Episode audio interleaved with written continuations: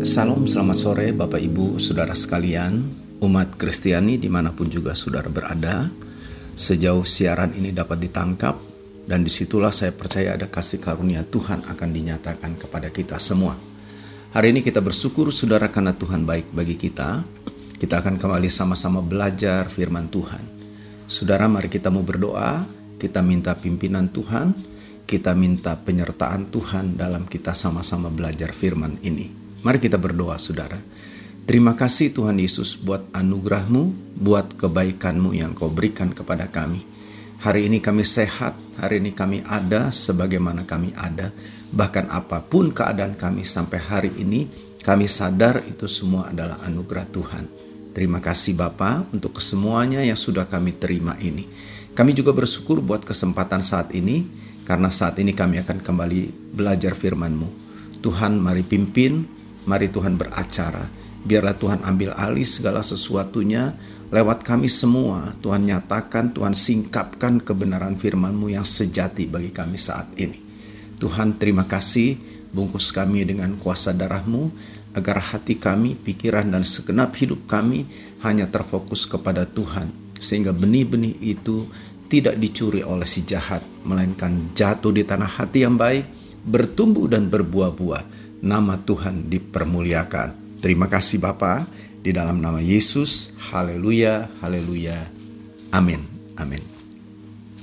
Bapak Ibu, Saudara sekalian dikasih oleh Tuhan Yesus, kita sungguh bersyukur kepada Tuhan karena Dia baik.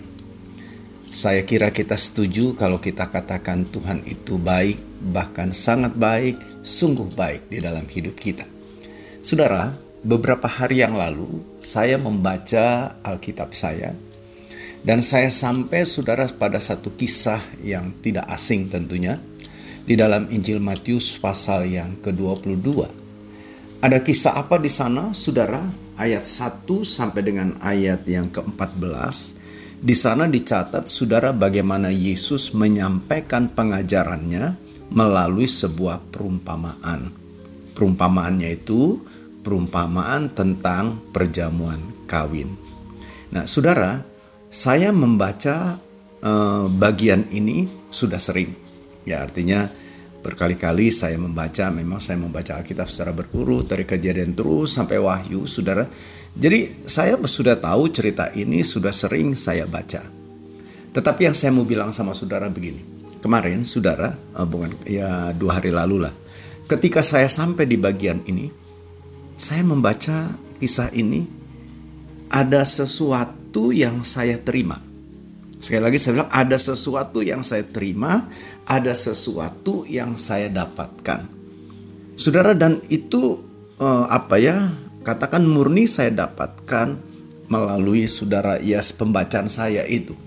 Jadi spontan saja saya lihat padahal seperti saya bilang tadi, saya sudah tahu cerita ini, saya sudah baca, saudara berkali-kali cerita ini, tapi kali itu saudara ada sesuatu gitu yang saya terima. Dan itu sebabnya inilah yang ingin saya bagikan kepada saudara. Memang mungkin saudara kalau saya pikir, saya renungkan, apa yang saya terima itu nampaknya hal yang biasa, yang sederhana. Kalau andai kata saya gambarkan mungkin dengan pelajaran di sekolah, mungkin ini dapat dianggap sebagai pelajaran anak-anak SD, pelajaran hal yang mendasar. Ya anak-anak SD bahkan mungkin anak TK begitu saudara. Jadi kadangkala karena saking sederhananya ini hal yang dasar gitu saudara lalu kita berpikir ah itu nggak perlu lah dan banyak orang melupakannya tidak memperhatikannya lagi saudara.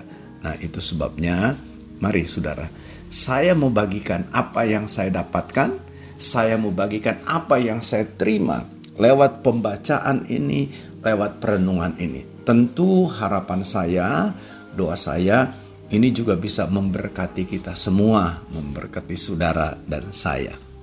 Nah, saudara, Matius 22 ayat 1 sampai 14 mencatat saudara perumpamaan tentang perjamuan kawin. Perumpamaan ini disampaikan oleh Yesus jadi merupakan sebuah pengajaran yang Yesus sampaikan. Apa yang bisa kita lihat dari perumpamaan ini? Secara garis besar, saya melihat perumpamaan ini dapat dibagi menjadi dua bagian. Bagian yang pertama, saudara, adalah orang-orang yang menolak undangan dari raja untuk hadir di pesta pernikahan itu. Lalu, saudara, orang yang kedua adalah orang-orang yang menerima undangan itu dan hadir, saudara, di dalam pesta pernikahan itu. Nah, saudara-saudara, saya akan coba aja saudara kita lihat ya bagian-bagian ini. Yang pertama orang-orang yang menolak ya dan kita akan coba lihat ada apa di sana bisa kita pelajari. Saudara-saudara, kalau kita perhatikan ya, ayat 1 dibilang begini kan. Ini perkataan Tuhan Yesus ya. Saudara dikatakan di sana lalu Yesus berbicara pula kepada dalam perumpamaan kepada mereka. Hal kerajaan sorga seumpama seorang raja yang mengadakan perjamuan kawin untuk anaknya. Lalu saudara ayat berikutnya berkata, ia menyuruh, raja itu menyuruh hamba-hambanya untuk memanggil orang-orang yang telah diundang ke perjamuan kawin itu. Tetapi orang-orang itu tidak mau datang. Nah, saudara-saudara lihat, jadi ayat-ayat ini bahkan kalau saudara baca sampai ayat 7, kita lihat bagaimana Yesus cerita. Dibilang ada raja yang mengadakan perjamuan kawin. Ingat yang diadakan adalah perjamuan kawin anaknya. Lalu dia menyuruh hamba-hambanya itu untuk memanggil orang-orang yang telah diundang. Jadi dari kalimat ini saudara kita bisa lihat ternyata orang-orang itu sebelumnya sudah dikirim undangan. Sudah diberitahukan bahwa raja akan mengawinkan anaknya dan Anda diundang. Saya membaca saudara dari sebuah buku tentang latar belakang situasi atau kebiasaan orang pada saat itu dalam hal undang-mengundang. Jadi saudara dikatakan pada saat itu biasanya orang mau mengadakan pesta pernikahan, mengundang orang, mereka buat daftar listnya. Oh si A, si B terus didaftar, lalu dikirimkanlah undangan kepada mereka. Tapi saudara undangan itu di dalamnya tidak terdapat tanggal dan jam berapa. Jadi sepertinya hanya sekedar sebuah informasi bahwa raja akan mengadakan pesta kawin dan kalian pasti diundang. Kapan pesta kawinnya? Kapan jamnya? Di mana tempatnya? Kalau tempat oke okay lah sudah pasti ya di istana raja. Tapi kapan itu? Tanggal berapa? Hari apa? Jam berapa? rupanya itu tidak tertulis. Pokoknya sudah diundang nih ya, siap-siap. Ya, nanti akan ada pemberitahuan kemudian. Nah, jadi saudara-saudara lihat, saat itu raja suruh para hamba-hambanya pergi. Saya pastikan saudara pasti para hamba-hamba itu pergi saudara dan mereka menuju ke para undangan. Siapa undangan itu? Menurut penafsiran saya, karena ini raja saudara yang mengadakan, pasti para pejabatnya orang-orang yang terpandang, para bangsawan, mungkin para pengusaha-pengusaha besar. Pikiran saya, perkiraan saya pasti seperti itu. Dan saudara-saudara apa yang terjadi? Ya. Lalu saudara setelah mereka tahu mereka tunggukan kapan itu. Lalu dibilang begini saudara. Ketika semua itu sudah siap. Wah ini menarik nih saudara ya Dibilang saudara ketika semua itu sudah siap, maka saudara hamba itu kembali diperintahkan untuk memberitahukan kepada semua undangan yang waktu lalu sudah dikasih undangan, sudah diberitahukan. Bilang sama mereka, semua sudah siap. Silahkan Anda datang. Silahkan Anda datang memenuhi undangan sang raja ini. Saudara coba berhenti dulu sampai di sini.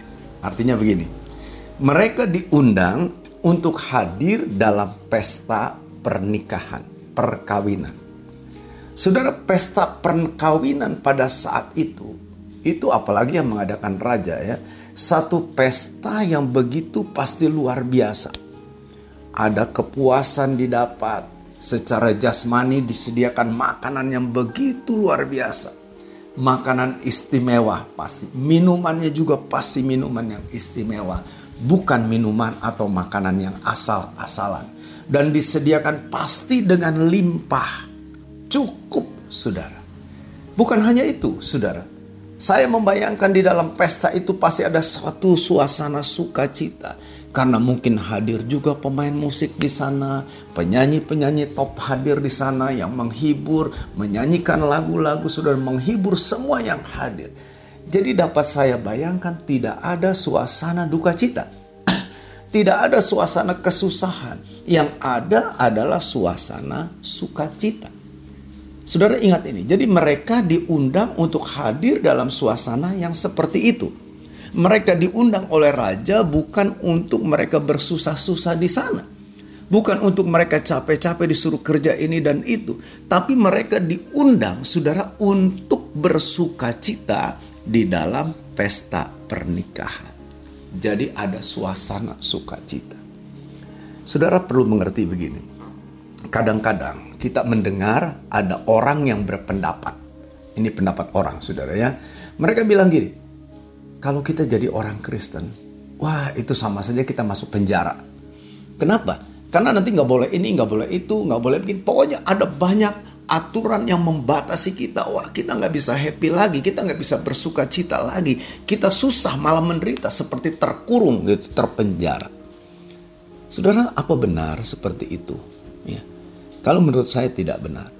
Saudara, Tuhan melarang kita hanya satu, untuk tidak berbuat dosa untuk tidak tinggal di dalam dosa. Jadi memang yang berkaitan dengan dosa itu dilarang.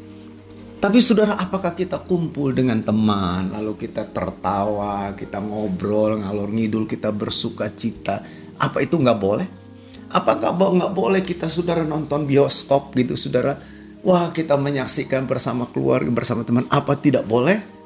Nah saudara, ada banyak orang bilang nggak boleh kayak gitu. Tapi kalau saudara tanya sama saya, untuk saya nggak masalah, sudah. Ada orang berkata, wah nanti nggak boleh kita nonton televisi lagi, drama-drama Korea gitu, nggak boleh lagi. Saudara-saudara itu pandangan yang salah. Jadi kita melihat ada banyak orang berpikir seperti itu. Dan saya meyakini saudara bukan itu kekristenan itu. Saudara-saudara saya mau tegaskan lagi, yang tidak boleh adalah hidup dalam dosa. Itu yang pasti tidak boleh. Jadi saudara hidup dalam dosa itu yang memang dilarang. Berbuat dosa dengan terang-terangan, dengan sengaja lagi gitu saudara. Saudara itu yang tidak boleh. Sebab saudara, Tuhan mengundang kita menjadi milik kepunyaannya untuk menikmati sukacita. Bahkan sukacita yang melebihi saudara dari sukacita lain yang bisa kita peroleh. Nah, saudara, dalam cerita ini kita lihat ada sesuatu yang sedikit aneh, tapi nyata. Apa anehnya? Orang-orang yang diundang itu mereka menolak hadir. Saya tuh nggak habis pikir loh, saudara. Kenapa ya kok mereka menolak? Satu yang undang raja. Tentu saudara pesta itu bukan pesta biasa. Pesta yang begitu luar biasa yang saya tadi sudah jelaskan. Baik makanannya, minumannya, suasananya, tempatnya, semua pasti yang the best, saudara. Tapi kita lihat faktanya, orang-orang ini menolak. Kadang-kadang saya aduh ini kenapa ya aneh sekali orang ini. Tapi inilah fakta yang ada, saudara. Inilah saudara kenyataannya. Saudara-saudara, kita sering melihat hal seperti ini kan di sekitar kehidupan kita ada orang-orang yang menolak dengan terang-terangan. Ketika kita sampaikan kabar baik, kita menawarkan kehidupan yang penuh sukacita di dalam Yesus. Oh, mereka tolak, mereka terang-terangan menutup hatinya, menutup telinganya, menutup hidupnya untuk menerima sukacita itu. Kadang-kadang kan kita pikir aneh ini orangnya dikasih undangan untuk hadir nggak bayar lagi gitu saudara saudara-saudara nggak mau gitu, menolak. Jadi saudara ini memang sesuatu yang aneh. Bahkan dalam cerita itu kalau saudara baca terus, ada semereka juga yang bukan cuma sekedar menolak kan. Tapi ada beberapa orang juga yang justru menganiaya, marah, sampai menganiaya para utusan raja itu. Nah Bapak Ibu Saudara sekalian saya bilang ini memang aneh. Tapi inilah fakta, inilah kenyataan. Kalau saudara lihat alasan yang mereka kemukakan, kenapa mereka menolak? Kalau kita lihat nih saudara ya, saya ajak saudara coba baca ayatnya yang ke berapa nih? Ke, ke Ya, kelima saudara. Tetapi orang-orang yang diundang itu tidak mengindahkannya.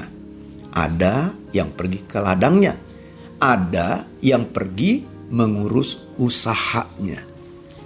Lalu di dalam ayat berikutnya dibilang, dan yang lain menangkap hamba-hambanya itu menyiksanya dan membunuhnya. Saudara-saudara, lihat ayat yang sebelumnya ya, ayat yang ke-6 ayat yang kelima. Saudara dua kelompok orang ini menolak hadir. Alasannya apa? Pertama dibilang saudara mereka pergi ke ladang. Saudara yang kedua dibilang mereka pergi mengurus usahanya, bisnisnya. Jadi mereka nggak bisa hadir. Mereka tidak datang memenuhi undangan dari sang raja. Saudara, saya melihat dua alasan ini mereka pergi ke ladang, mereka pergi mengurus usahanya. Tentu saudara kalau kita lihat dua alasan ini, ini tidak dapat kita kategorikan sebagai satu hal yang berdosa. Apakah orang salah atau berbuat dosa ketika dia pergi ke ladang, mengurus ladangnya, mungkin menyiraminya, membersihkannya, dan sebagainya? Tentu saudara itu bukan hal yang salah. Juga bukan pula hal yang salah ketika orang tidak memenuhi saudara undangan karena dia harus mengurus bisnisnya, usahanya itu. Apakah orang yang mengurus bisnis, yang mengurus usahanya itu dapat kita kategorikan sebagai perbuatan yang salah, perbuatan yang berdosa? Tentu tidak, saudara. Saya yakin kita sepakat ya kecuali yang ketiga itu ya mereka tangkap wah mereka maki-maki bahkan dibunuh dianiaya itu salah saudara ya tapi saudara lihat dua hal ini ini bukan alasan yang kita dapat bilang, wah ini orang berdosa yang lakukan itu. Tidak, sudah. Mereka mengurus ladangnya, mereka mengurus usahanya, bisnisnya. Tetapi saudara lihat, ini satu fakta. Ada banyak orang yang akhirnya tertutup matanya, tertutup telinganya, bahkan tertutup hatinya untuk menerima anugerah undangan itu. Kenapa? Karena terikat dengan ladangnya terikat dengan usahanya. Saudara, tidak salah mereka mengerjakan ladang, tidak salah mereka mengerjakan usahanya. Tapi saudara lihat, sampai kalau mereka menolak undangan itu, itu membuktikan mereka fokusnya salah. Mereka hanya terfokus kepada perkara-perkara yang sifatnya sementara, perkara yang sementara yang ada di dunia ini tapi mereka melupakan ada satu hal yang bersifat kekal. Nah, ini masalahnya, saudara. Jadi, hati-hati. Ada banyak hal dalam hidup ini yang nampaknya itu bukan sesuatu yang kita bisa bilang dosa, tapi itu bisa menjadi penghalang yang membutakan mata kita, membutakan, membuat telinga kita menjadi tuli, mengeraskan hati kita ini. Kita perlu hati-hati, saudara Jangan sampai hal-hal itu justru menjadi penghalang untuk kita masuk memenuhi undangan sang raja itu. Nah, saudara, kita dapat lihat di sini bahwa mereka itu yang dimaksud oleh Yesus pada bagian ini, saya memahami Yesus sedang menegur, mengingatkan orang-orang Israel. Saudara-saudara, kenapa saya ke sana arahnya? Karena saya melihat, saudara, orang-orang Israel ini adalah orang-orang yang mendapatkan undangan khusus dari Tuhan. Wah, istimewa. Mereka dipilih lewat penetapan Allah, pilihan Allah terhadap Abraham. Allah mengadakan perjanjian dengan Abraham dan keturunannya, saudara. Saudara-saudara, Allah memberkati bangsa itu begitu luar biasa, saudara. Dan apa yang terjadi, saudara?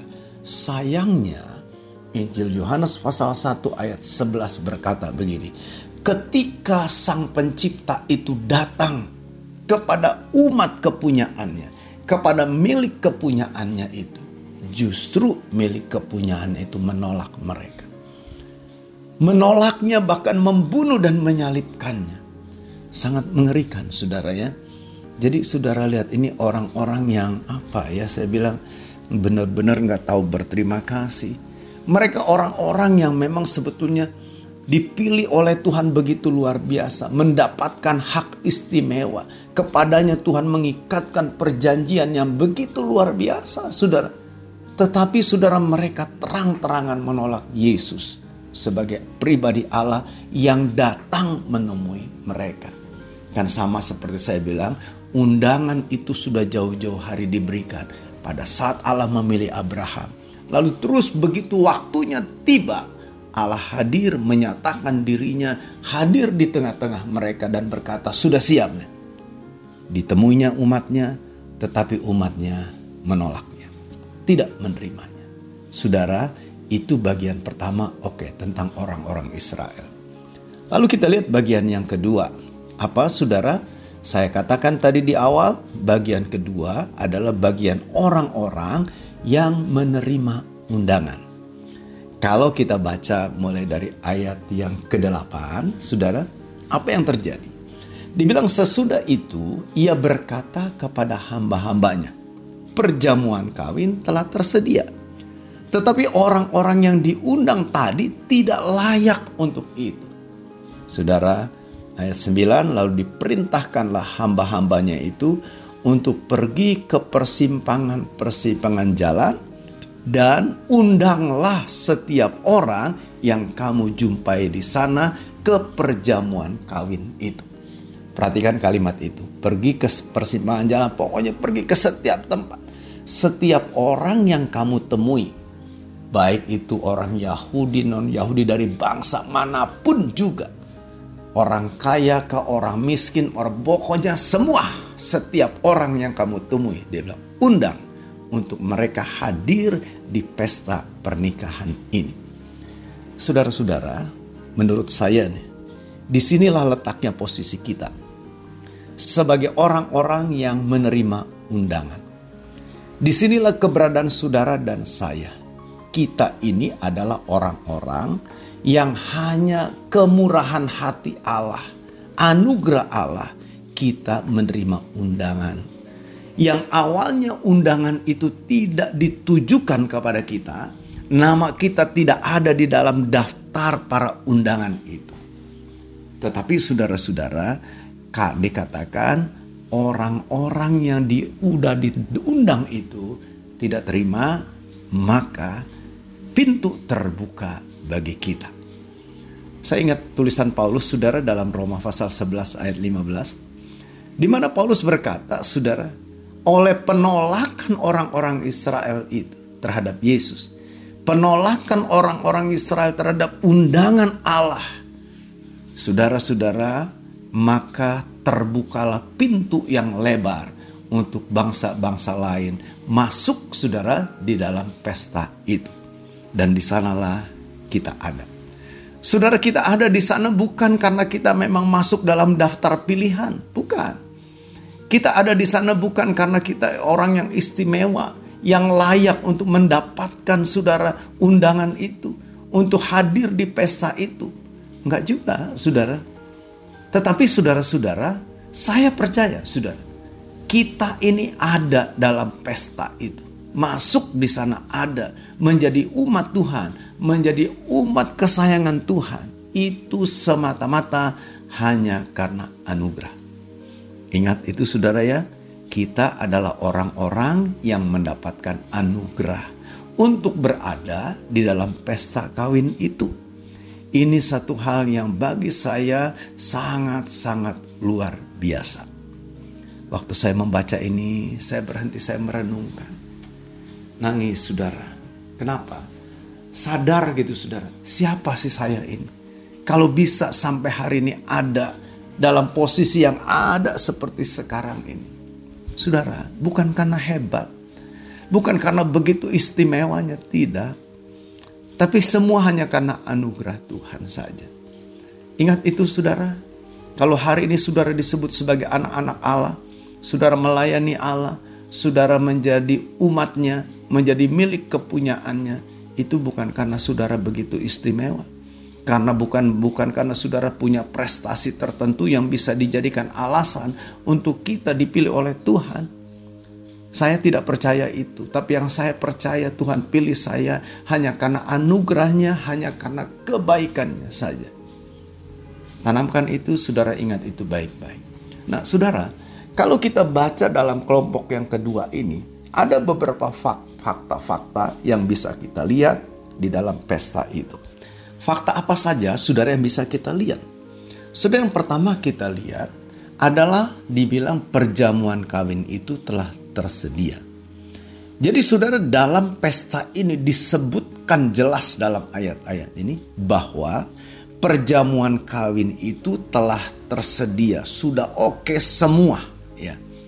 Kalimat ini saudara menunjukkan bahwa segala sesuatu itu tersedia di dalam pesta itu. Apa yang menjadi kebutuhan utama manusia apa yang menjadi kebutuhan yang paling primer dalam hidup yang namanya manusia ada di dalam pesta itu. Jadi semuanya itu sudah disediakan, sudah ada. Tidak akan ada saudara sesuatu yang dibutuhkan yang tidak ada gitu. Tapi pasti sudah ada. Nah, dari sini saja saudara saya melihat begini. Yesus itu benar adalah jawaban jawaban atas setiap keperluan, atas setiap persoalan, atas setiap pergumulan, atas setiap hal di dalam hidup kita. Yesuslah jawaban.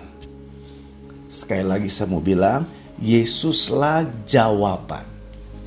Ada lagu lama kan sudah yang, ber, yang sering barangkali saudara nyanyikan, saudara tahu. Yesus jawaban dalam hidupku.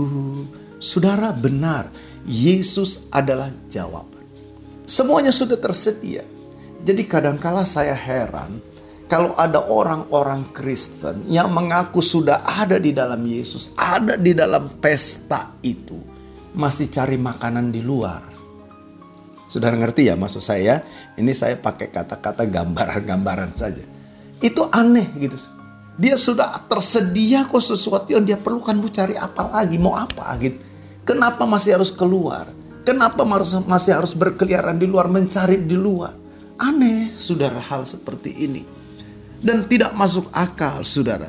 Sebetulnya tidak ada alasan yang tepat bagi seseorang yang ada dalam pesta itu untuk mencari keluar kesenangan-kesenangan yang lain. Di dalam Yesus cukup. Di dalam Yesus lebih daripada cukup. Kepuasan, kebahagiaan yang sejati, yang melampaui, yang dunia dapat berikan, ada di dalam pesta itu. Ingat itu, saudara, baik-baik. Berapapun harganya, berapapun katakan saudara ya, orang bisa membayar kita supaya kita tinggalkan pesta itu. Harusnya saudara kita bisa berkata no kita harus berkata tidak. Kenapa di sini saya sudah cukup? Lebih dari cukup yang ada di pesta ini. Saudara ingat itu baik-baik ya. Di luar sana kelihatan megah, kelihatan hebat, wah kelihatan begitu luar biasa. Saudara-saudara itu kamuflase. Seperti Fata Morgana yang kelihatan air, saudara, wah begitu limpah air itu. Begitu kita hampiri kosong, tidak ada apa-apa Saudara-saudara, tetapi justru di dalam pesta itulah tersedia segala sesuatunya. Nah, jadi saudara ingat itu. Harusnya saudara dan saya yang ada di pesta itu. Kita akan berkata seperti Paulus berkata. Setelah aku dapatkan Kristus, yang lain itu aku anggap sampah. Tidak ada yang lebih berharga. Tidak ada sesuatu yang lebih daripada Kristus tidak ada sesuatu yang bisa melebihi Kristus. Aku cukup lebih, bahkan lebih dengan Kristus. Saudara-saudara, saya berkata ini, jujur saya bilang hati saya bergetar. Saya rindu agar setiap kita merasakan ini. Yesus cukup bagi saya. Saya tidak kekurangan di dalam Yesus. Apa yang saya perlukan, apa yang saya butuhkan, ada di dalam Yesus. Dia benar-benar jawaban yang digambarkan seperti sebuah pesta yang diadakan oleh raja. Ingat sekali lagi, yang mengadakan pesta ini bukan rakyat miskin, bukan orang-orang biasa, tapi raja.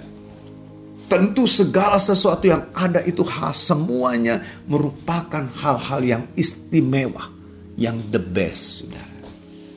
Bapak Ibu, saudara sekalian, masih mau cari di luar?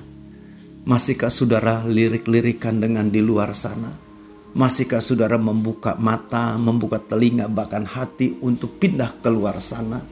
Betapa bodohnya kita, saudara. Maaf nih saya bilang, betapa bodohnya kita di sini saudara kita sudah limpah dengan segala apa yang kita butuhkan.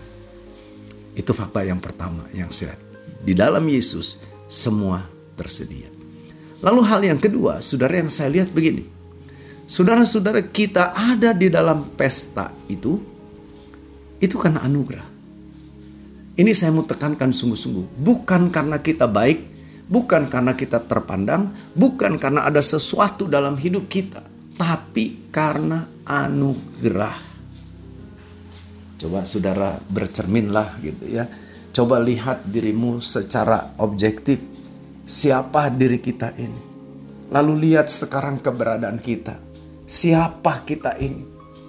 Saudara jujur saya berkata, saya tahu bagaimana hidup saya dulu. Saya tahu di tempat di mana saya dibesarkan dalam suasana dalam keadaan seperti apa saya tahu. Saya tahu perjalanan hidup saya selama ini saya tahu persis. Saudara, dan saya mau berkata kalau sampai hari ini saya ada, itu anugerah Tuhan. Itu anugerah Tuhan, saudara. Kalau bukan karena anugerah Tuhan, saya tidak tahu bagaimana keadaan hidup saya. Tapi anugerah Tuhan itulah yang membuat kita ada. Saudara-saudara yang kekasih dalam Tuhan, kita melihat ini sesuatu yang begitu luar biasa.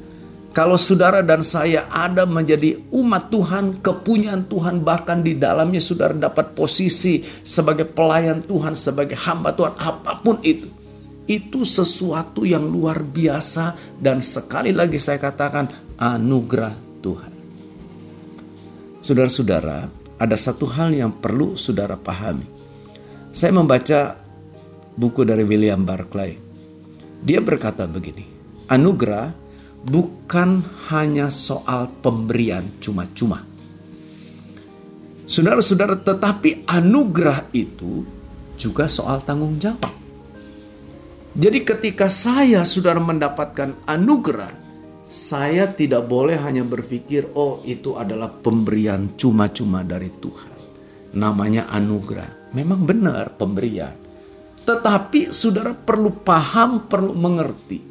Perumpamaan ini menjelaskan kepada kita di dalam anugerah itu ada tanggung jawab dari kita. Saudara-saudara, ungkapan Paulus dalam bahasa yang dia bilang begini, kerjakanlah keselamatanmu itu dengan takut dan gentar. Bagian ini saya melihat adalah sebuah anugerah yang kita lihat dari sisi tanggung jawab. Oh, saya dapat kepercayaan posisi sebagai menduduki satu jabatan.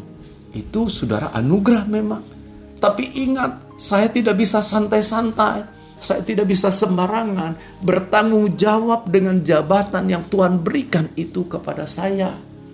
Ini yang perlu saudara lihat, yang perlu saudara pahami. Sebab saudara kalau kita lihat di dalam anugerah Allah itu memang di sana terdapat perkara-perkara yang luar biasa.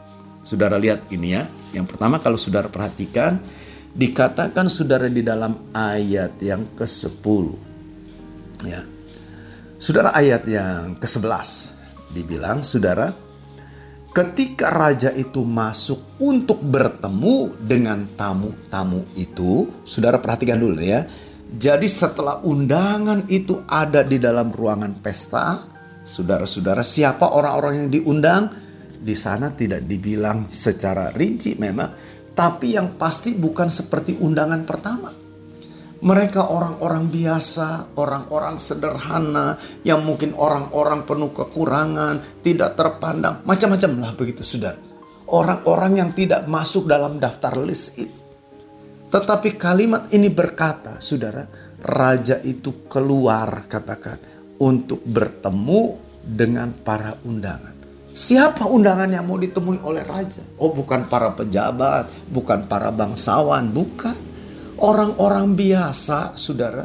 Orang-orang yang tidak terpandang, orang-orang yang mungkin dipandang remeh oleh dunia ini. Tapi kepada orang-orang inilah raja mau menjumpainya, mau berinteraksi dengan mereka.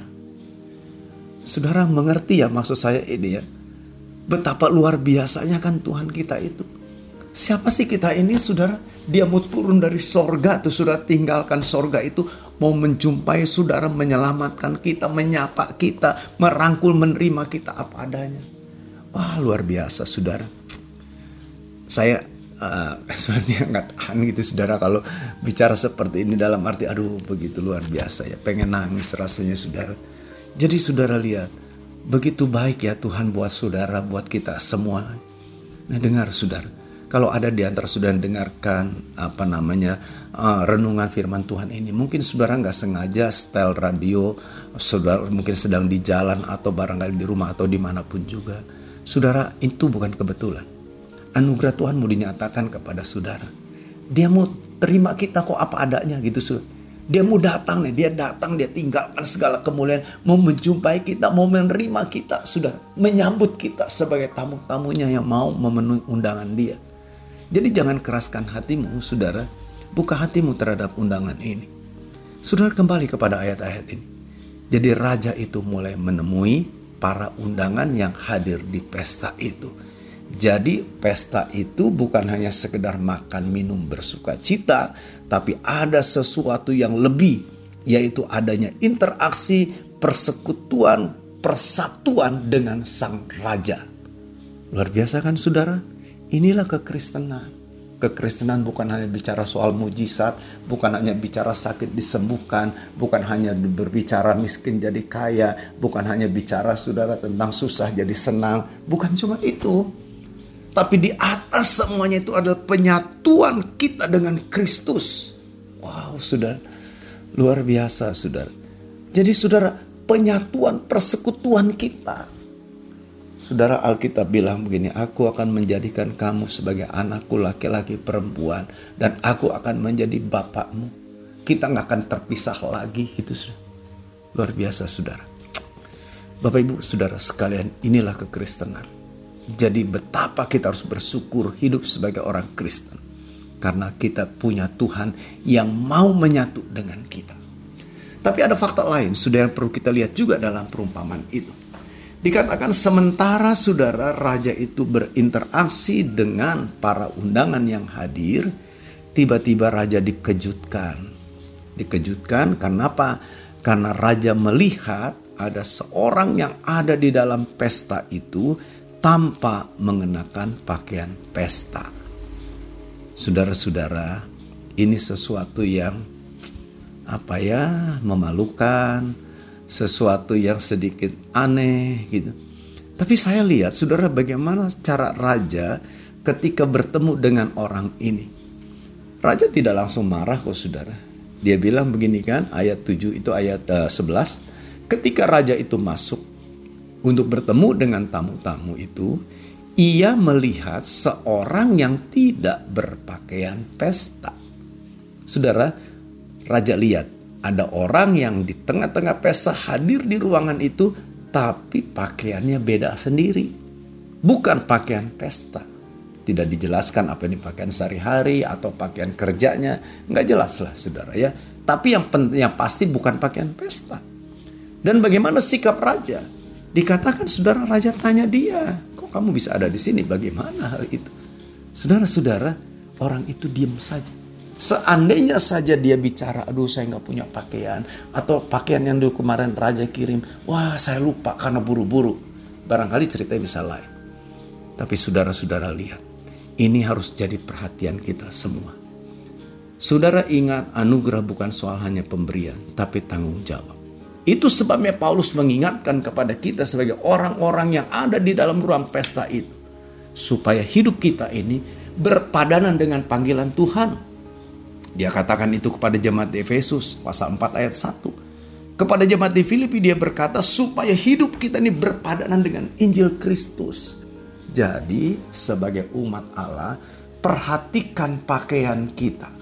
Hidup yang kelihatan ini, pakaian apa yang kita kenakan? Saudara-saudara, biarlah dunia boleh melihat ada pakaian pesta yang kita kenakan, yaitu satu kehidupan yang berpadanan dengan panggilan Tuhan atas hidup kita, satu kehidupan yang berpadanan dengan Injil Kristus. Itu yang Tuhan mau. Itu tanggung jawab kita. Itu harus kita renungkan. Bagaimana kita mengenakan pakaian kebenaran itu. Bagaimana kita menyelaraskan hidup kita dengan panggilan kita. Dan dengan Injil Kristus. Saya berharap, saya berdoa ini menjadi berkat mengingatkan kita semua. Tuhan Yesus berkati kita semua. Amin. Amin. Mari kita doa saudara. Terima kasih Tuhan buat kebenaran firman-Mu yang sudah memberkati kami, mengingatkan kami semua. Ampuni kami kalau selama ini kami lalai, fokus kami terganggu. Banyak hal yang merintangi hubungan kami dengan Tuhan karena keegoisan kami. Kami masih melirik ke kanan, ke kiri. Kami masih merasakan mencintai dunia. Ampuni kami. Tapi biarlah hari ini kami dibaharui dan kami mulai berpikir tanggung jawab kami hidup untuk hidup seturut dengan kehendak Tuhan, untuk hidup berpadanan dengan panggilan Tuhan, untuk hidup berpadanan dengan Injilmu ya Tuhan. Terima kasih Bapak, berkati seluruh pendengar di mana pun berada, yang sakit disembuhkan, yang lemah dikuatkan, yang susah dihiburkan dalam nama Yesus. Dan Tuhan buka jalan bagi setiap pergumulan kami. Berkati kota-kota di Indonesia, berkati bangsa kami dalam tahun-tahun politik ini, Tuhan tetap mengontrol, Tuhan tetap memimpinnya. Kasih karuniamu dilimpahkan atas bangsa ini. Terima kasih Bapa, segala pujian, segala hormat bagimu. Di dalam nama Yesus, haleluya, haleluya, amin.